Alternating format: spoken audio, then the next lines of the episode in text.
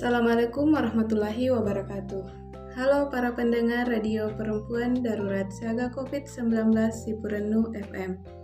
Gimana nih kabarnya hari ini? Semoga sehat selalu ya, dan yang pastinya tetap semangat dan tetap jaga kesehatan. Bersama saya Deli yang akan menemani kalian hari ini dalam program Ak Gurung SD.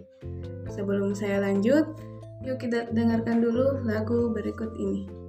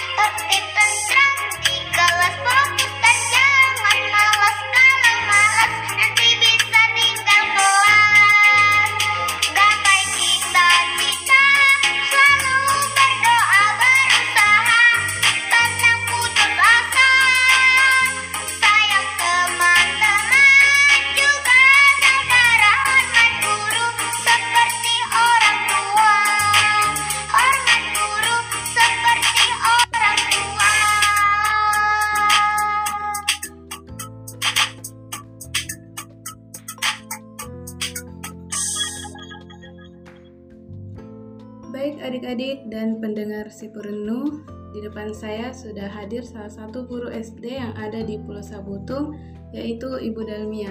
Halo Bu. Ya, Apa kabar hari ini? Ya, alhamdulillah baik. Di pertemuan hari ini materi yang ingin Ibu ajarkan seputaran apa ya?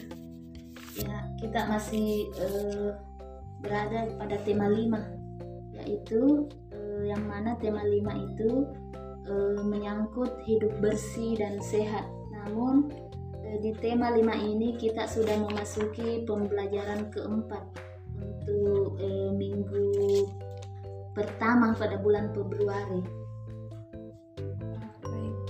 Baik adik-adik dan pendengar setia si perenuh, sebelum Ibu Dalmi yang memberikan materinya, siapkan terlebih dahulu alat tulisnya ya. Dan ingat tetap mematuhi protokol kesehatan yaitu memakai masker dan mencuci tangan, terus menjaga jarak. Baik Bu, silakan dimulai materinya. Ya, baiklah untuk hari ini eh, kita memulai pembelajaran yang mana eh, pembelajaran empat ini erat hubungannya dengan eh, hidup bersih dan sehat.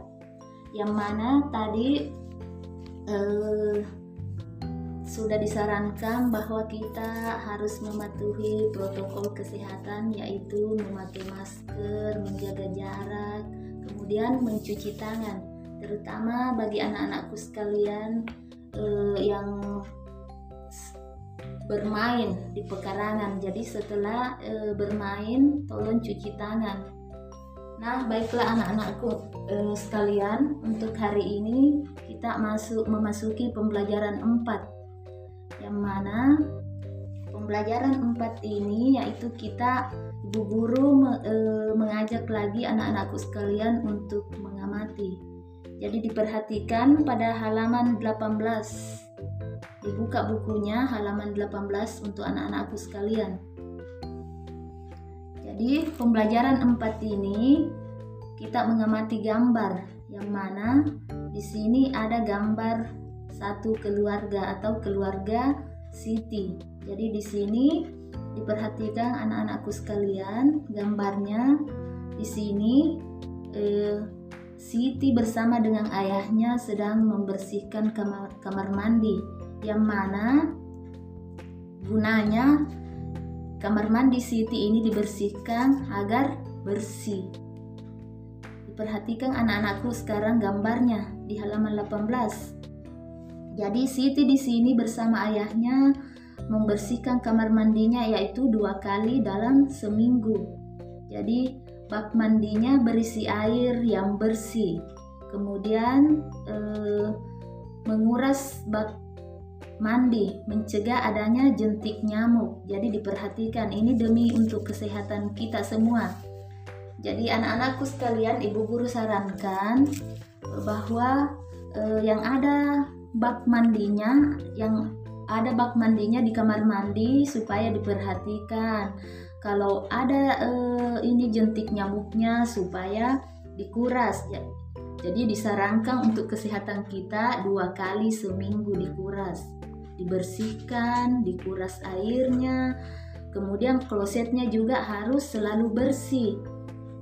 Jadi di sini contohnya Eh, kamar mandi Siti itu bersih karena yang mana Siti ini membersihkan kamar mandinya dua kali dalam seminggu dan bak airnya juga dikuras setiap dua kali seminggu agar e, bak mandinya e, tercegah dari adanya jentik nyamuk. Klosetnya juga harus selalu dibersihkan. Jadi diperhatikan di samping anak-anakku sekalian bukan hanya mengamati gambar, Ibu guru juga meminta anak-anakku sekalian supaya di rumahnya juga e, selalu hidup bersih. Jadi di sini gambarannya ada keluarga Siti ini yaitu ayahnya dan Siti selalu membersihkan bak mandinya atau kamar mandinya. Namun di sini bak mandi e, Siti berbentuk suatu bangun. Yang mana nama bangun ruangnya ini adalah bentuk segi empat. Diperhatikan anak-anakku sekalian. Jadi bak kamar mandi ini berbentuk segi empat. Diperhatikan gambarnya. Jadi bentuk segi empat itu adalah bak mandinya Siti. Bak mandi Siti ini adalah salah satu contoh bangun ruang yang mana bangun ruang ini memiliki sisi, kemudian eh, titik sudut dan rusuk. Diperhatikan anak-anakku sekalian untuk halaman 19 diperhatikan. Jadi eh, bentuk bak mandi ini saya ulangi bentuknya berbentuk segi empat. Kemudian mempunyai banyak sisi. Jadi banyak sisi e, kalau ada kamar mandinya anak-anakku sekalian e, tolong diperhatikan. Diperhatikan baik-baik yang mana di situ bentuknya berbentuk segi empat kemudian diperhatikan yang mana sisinya yang mana rusuknya yang mana sudutnya. Jadi segi empat itu mempunyai sudut ada berapa. Jadi banyaknya sudutnya ada berapa sisinya ada berapa e, kemudian e, rusuknya juga dalam e, bentuk segi empat itu mempunyai pertama sisi, kedua sudut, kemudian rusuk. Jadi di sini unsur-unsur bangun ruang mempunyai atau saya kasih contoh berupa bak mandi adalah salah satu contoh bangun ruang. Bangun ruang ini memiliki sisi, kemudian titik sudut dan rusuk. Jadi sisi bak mandi berbentuk segi empat. Jadi kesimpulannya ini eh, sisi bak mandi itu bentuknya adalah segi empat yang yang mana mempunyai sudut, sisi dan rusuk. Jadi eh, anak-anakku sekalian, setelah kita eh, memperhatikan gambar, mencermati, setelah kita mengamati, kita perhatikan, kemudian kita cermat cermati gambar. Jadi gambar bentuk bak mandi di rumah di rumah atau di rumah tak semua anak-anakku sekalian. Setelah kita mengetahui bahwa bentuk bak mandinya di rumah itu adalah bangun ruang segi empat. Jadi di sini ibu guru meminta untuk anak-anakku sekalian e, mengamati bak mandi di rumahnya, kemudian menggambar gambar sisi bak mandinya. Kemudian e, banyaknya sisi ditulis. Jadi kita e, dalam artian e, membuat lagi kolom. E, kemudian kita pisah-pisahkan yang mana gambar sisi bak mandi, banyaknya sisi bak mandi, kemudian banyaknya sudut. Banyak sisi segi empat. Jadi anak-anakku sekalian, saya minta untuk menyebutkan satu persatu pada kolom eh, yang kita buat. Jadi diperhatikan contoh kolom yang ada pada halaman 20. Jadi di sini tertera bahwa gambar sisi bak mandi. Jadi disebutkan di situ anak-anakku eh, bak, man, eh, bak mandinya berbentuk segi empat yang mana berapa sisinya. Kemudian eh, banyaknya sudutnya. Kemudian eh, sisi segi empatnya disebut. Jadi di sini sebagai contoh besar bahwa Siti membantu ayahnya membersihkan kamar mandi, kemudian Sisi eh, Siti juga mencuci gayungnya dengan sabun. Jadi di samping tadi klosetnya harus bersih, gayungnya juga. Atau biasa eh, kita eh, mengatakan itu gayung. Atau keadaan anak-anakku sekalian yang bertanya apa itu gayung? Jadi gayung itu sama halnya atau sama dengan timba kalau biasanya kita bahasa sehari-hari kita mengatakan bahwa timba. Jadi timbanya juga bukan hanya klosetnya yang bersih dalam kamar mandi timbanya juga harus diperhatikan. Kita cuci dengan memakai sabun. Kemudian gayung juga eh, gayungnya juga harus selalu bersih untuk dipakai mandi ataukah untuk dipakai mencuci-cuci dalam kamar mandi. Jadi anak-anakku sekalian, ya di pembelajaran empat ini erat hubungannya dengan e, tema kita yaitu hidup bersih dan sehat. Jadi e, diperhatikan itu anak-anakku sekalian harus selalu mencuci mencuci tangan. Mencuci tangan itu pakai sabun, kemudian pakai air yang bersih. Jadi diingat anak-anakku sekalian, eh, tadi yang ibu guru katakan eh, bahwa kita eh, membuat tabel. Jadi sebagai tugas ini lagi tugas tambahan untuk anak-anakku sekalian membuat tabel, yaitu eh, menyebutkan atau um, menyebutkan sisi bak mandi yang ada di rumahnya, berapa banyaknya, kemudian eh, berapa sudutnya, berapa sudut bak bak mandinya yang ada di rumahnya. Kalau tidak ada bak mandinya ya tidak usah. Yang ada saja ibu guru suruh e, gambar apakah bentuknya betul segi empat atau bagaimana ataukah ada bentuknya persegi panjang. Kemudian disebut sisinya, disebut juga sudutnya. Jadi diingat anak-anakku sekalian tugasnya yang ibu guru tadi sudah sampaikan pada pembelajaran empat ini. Baik adik-adik dan pendengar si perenuh, Kita istirahat dulu ya, sambil kakak Deli putarkan lagu.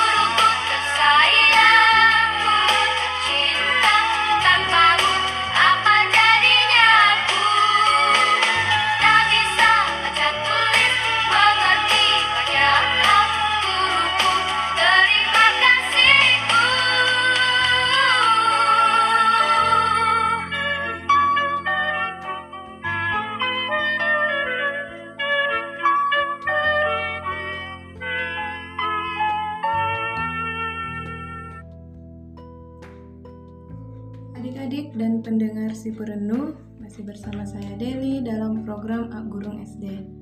Ingat ya, tetap patuhi protokol kesehatan, memakai masker, rajin mencuci tangan, dan selalu menjaga jarak. Baik Bu, silakan dilanjut materinya. Ya, baiklah, kita masih di eh, pembelajaran 3 untuk materi hari ini. Jadi eh, tadi eh, setelah Ibu Guru menjelaskan eh, tentang e, cara membersihkan kamar mandi. Jadi di sini tadi anak-anakku sekalian sudah e, menyaksikan langsung atau sudah mengamati langsung gambar yang ada pada pembelajaran 4 yaitu tentang cara e, Siti di sini membersihkan kamar mandi yang ada di rumahnya. Nah, baiklah sekalian untuk anak-anakku sekalian, e, untuk pembelajaran 4 ini setelah mengamati uh, gambar yang ada pada buku pelajaran kita ini, ibu guru juga akan mengajak anak-anakku sekalian untuk berlatih, yaitu yang erat hubungannya dengan pembelajaran kita tadi, yaitu uh, membuat bentuk bak mandi di rumah. Jadi ini suatu tugas untuk anak-anakku sekalian yaitu membuat bentuk bak mandi di rumah. Jadi tolong digambar, digambar di buku tugasnya e, bentuk bak mandi yang ada di rumah. Maksudnya ibu guru yang ada di rumah tak.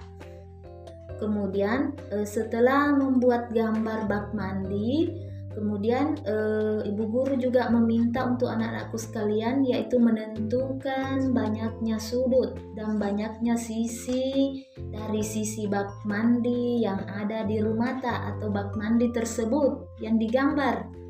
Jadi diusahakan dibuat kolomnya membuat kolom kolomnya itu berbentuk e, gambar bentuk bak mandi, kemudian sisinya disebutkan banyaknya sisi, kemudian banyaknya sudut. Ya, jadi ada empat kolom untuk anak-anakku sekalian.